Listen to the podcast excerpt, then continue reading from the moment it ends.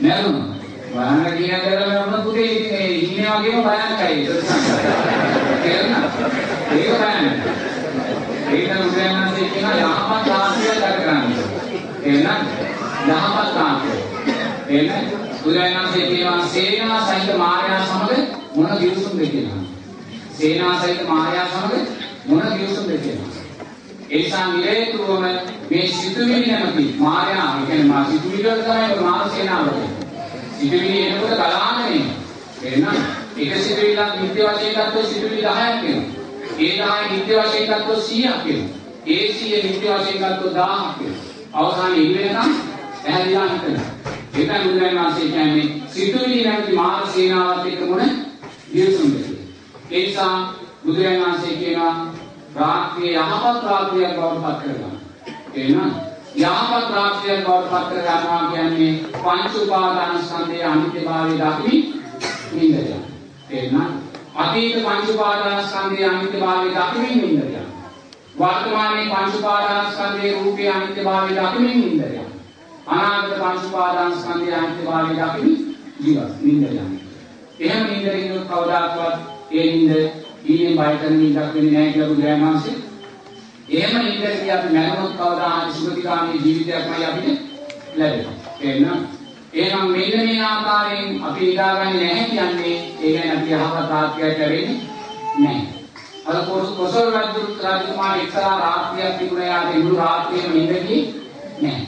එයා ඇඳේ ඒ පැත්තට පෙරලෙනවා මේ පැත්තට පෙරලෙනවා නිද යන්නේ.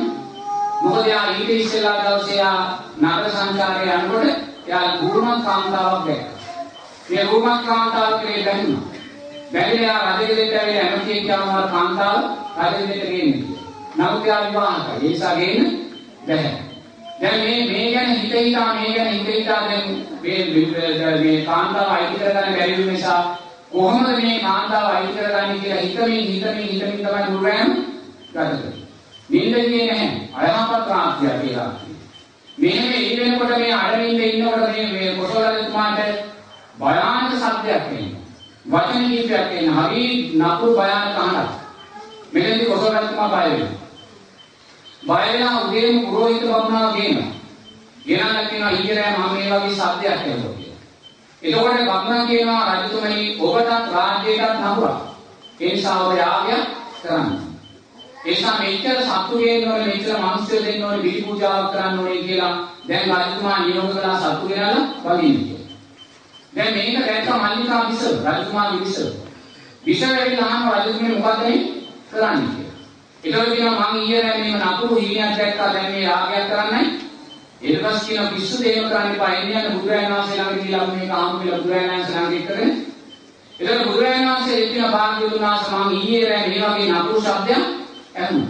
ඒ වෙලාවට බුදුරජාණන් වහන්සේ කියනවා රජතුමනි මේ සත්‍ය ඔබටවත් රාජ්‍යයට නරක නෙමෙයි. මේ ඔබට මේ සත්‍ය යන්නේ මොකද්ද?